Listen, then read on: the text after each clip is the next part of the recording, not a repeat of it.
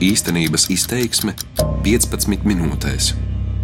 Nord Stream 2 ir loģisks un Eiropai vajadzīgs projekts, lai nodrošinātu Eiropiešus ar lētu gāzi, vai arī Krievijas ģeopolitisko interešu ierocis, ar kuru nostiprināt Gazprom dominanci Eiropas gāzes tirgū.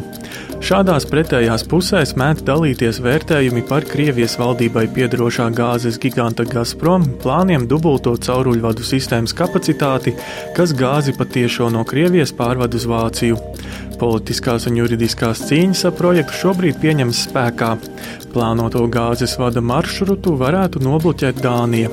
Savus argumentus projekta kavēšanai meklē arī Eiropas Savienības institūcijas.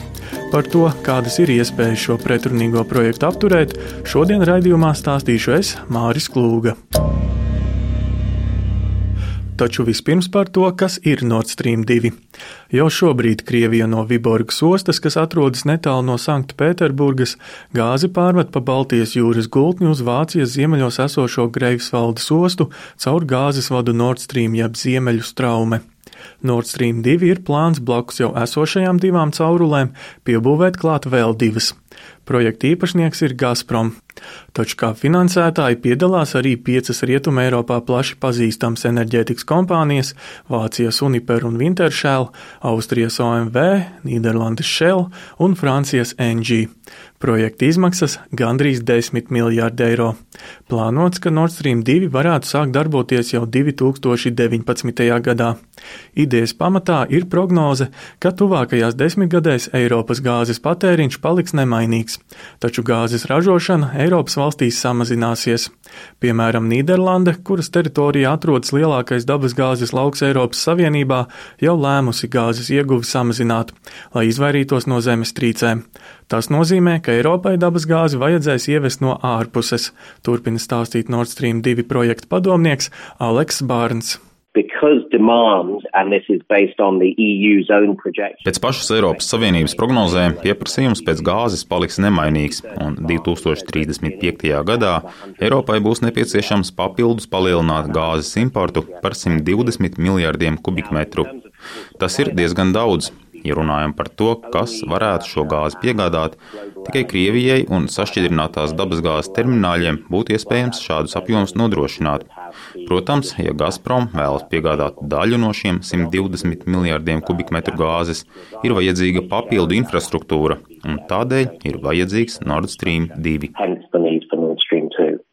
Barns stāsta, ka Nord Stream 2 rezultātā Eiropas Savienības dalībvalstis jau 2020. gadā ietaupītu 8 miljardus eiro gāzes cenu samazināšanās dēļ.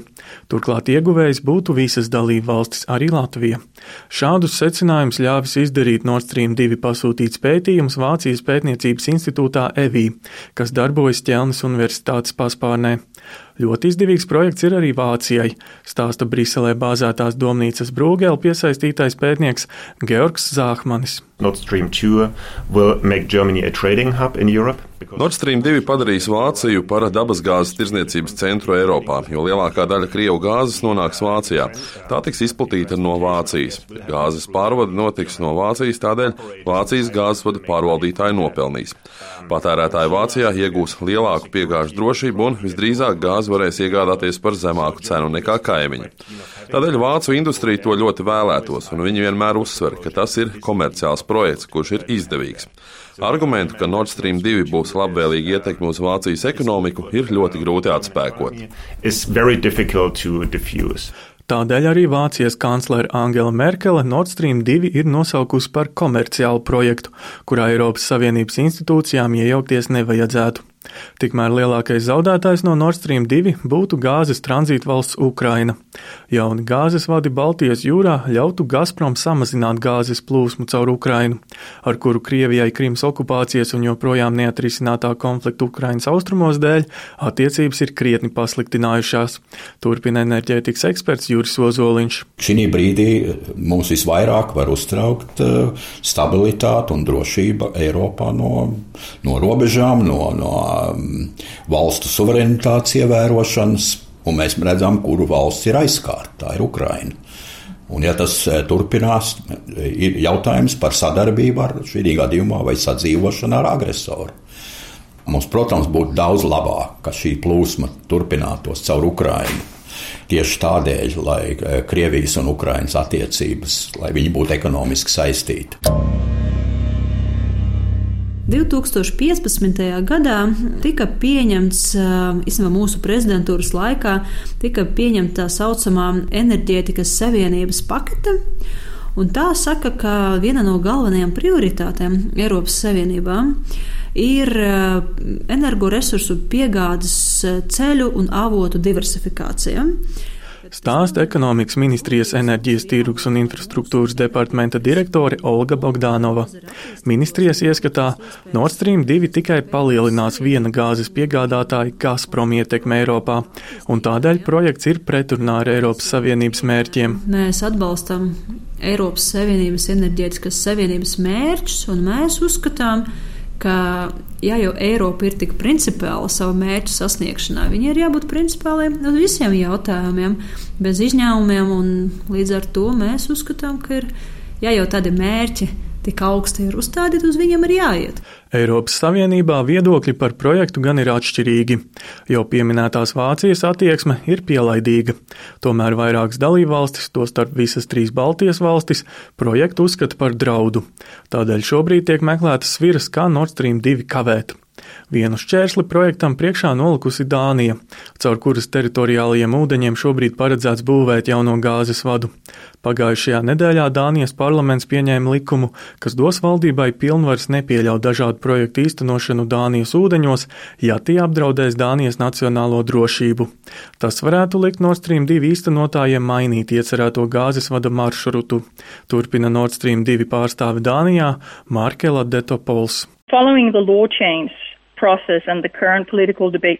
Sekojot izmaiņām likumā un politiskajām debatēm Dānijā, Nord Stream 2 kā atbildīgs projektu attīstītājs ir nolēmis izpētīt alternatīvas maršrutus ārpus Dānijas teritoriālajiem ūdeņiem. Tas ir solis, lai mazinātu iespējamus riskus. Tas nenozīmē, ka mēs mainām maršrutu. Mēs plānojam panākt apstiprinājumu esošajam pieteikumam ar pašlaik plānoto maršrutu. Gāzes vada maršrutu mainīšana projektu sadārdzinās un novilcinās, tomēr visdrīzāk neapturēs pilnībā. Jauns mēģinājums projektu bloķēt ir Eiropas komisijas rosinātās izmaiņas gāzes direktīvā, kas tā sauktās trešās enerģētikas paketes nosacījums attiecināt arī uz trešo valstu pieslēgumiem ar Eiropas Savienības dalību valstīm. Tas nozīmē, ka Nord Stream 2 īstenotājiem būtu jāparedz iespēja gāzes vadu izmantot ne tikai Gazprom vajadzībām, bet arī citiem, turpina Eiropas parlamenta deputāts Krišjāns Kariņš no vienotības enerģētikas infrastruktūrai ir jābūt pieejamai arī trešai pusē. Tātad nevar būvēt ekskluzīvu elektrības vadu tikai vienam piegādāt, nu, teiksim, vienam ražotājam uz vienu piegādātāju. Nedrīkst arī būvēt nevienu gāzes vadu, kas ir tikai vienam domāts. Tai visai jābūt pieejamai arī konkurencei uz noteikumiem kas eh, krietni sadārdzinātu šādu projektu, jo būtu jānodrošina Kaut gan tas ir varbūt tikai teorētiski, bet jebkurā gadījumā jānodrošina to, ka jebkurš cits varētu uz līdzīgiem noteikumiem izmantot šo gāzes vadu. Kariņš stāsta, ka labojumi gāzes direktīvā aizvērst caurumu likumā, ko līdz šim Nord Stream 2 varēja izmantot. Izmaiņas plānots virzīt ļoti strauji, jo tām jau nākamgad jāstājas spēkā, lai neatpaliktu no Nord Stream 2 īstenošanas grafika. Gāzes direktīvas attiecināšanu uz Nord Stream 2 par labāko stratēģiju uzskata arī pazīstamais britu autors enerģētikas un konkurences tiesību jomā Alans Railijs. Viņš ir pārliecināts, ka projekts šķeļ Eiropu un padarīs vieglāk ievainojams centrāla Eiropas valstis, kuras cietīs gāzes transīta apsīkuma dēļ. Railijs ir pārliecināts, ka Eiropas Savienības gāzes direktīvu Nord Stream 2 būs grūti izpildīt. Ja tas tiks izdarīts, Nord Stream 2 tā būs ļoti grūta situācija. Viņiem būtu jāpierāda, ka viņi atbilst 11. panta nosacījumiem. Saskaņā ar šo gāzes direktīvas pantu ir jāizvērtē ik viens gāzes vada īpašnieks, kas nav no Eiropas Savienības, ir jāizvērtē, vai nav piegāžu drošības risks dalību valstī vai Eiropas Savienībai kopumā. Domāju, ka Nord Stream 2 būtu ļoti grūti sekmīgi tikt cauri šim novērtējumam. Skeptisks par iespēju stingros Eiropas Savienības iekšējos gāzes likumus attiecināt arī uz Nord Stream 2 ir enerģētikas eksperts Juris Ozoliņš Samoliņš.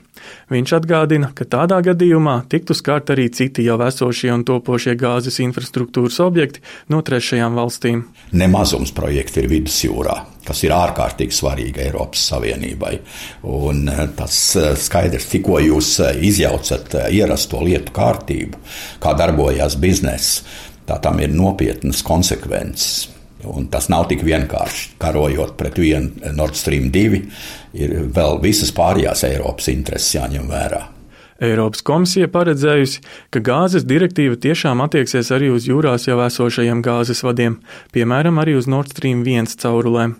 Tomēr dalību valstis šajos gadījumos varēšot pieļaut dažādas atkāpes no gāzes direktīvas.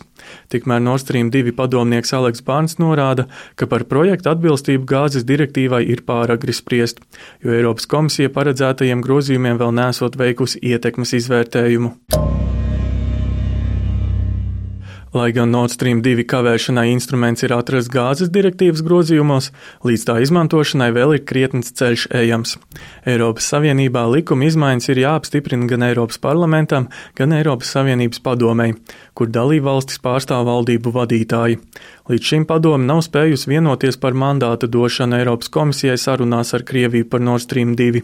Tās parāda, ka vienotības šajā jautājumā nav. Tādēļ projekta pretinieki šobrīd meklē sabiedrotos.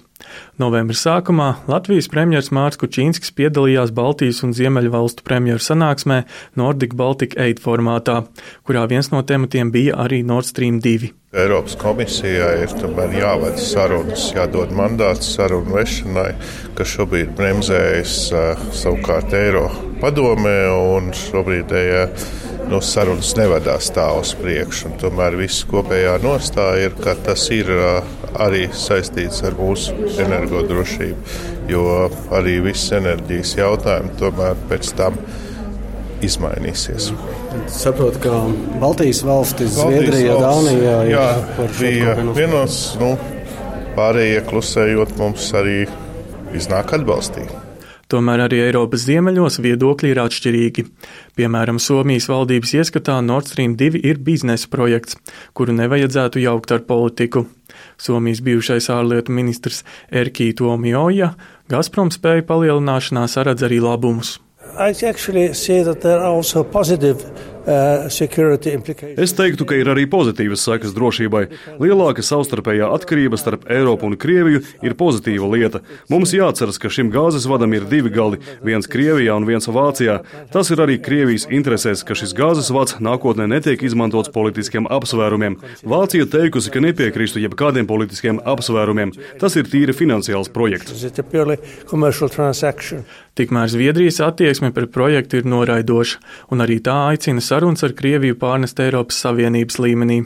Savu nostāju pauž Zviedrijas parlamenta deputāts Hans Valmarks no Moderātu partijas. Can, around... Ir iespējams, ka Vācijā nonāks 80% no visa dabasgāzes importa Eiropas Savienībā. Jā, viņi var reeksportēt uz citām valstīm, bet tomēr 80%.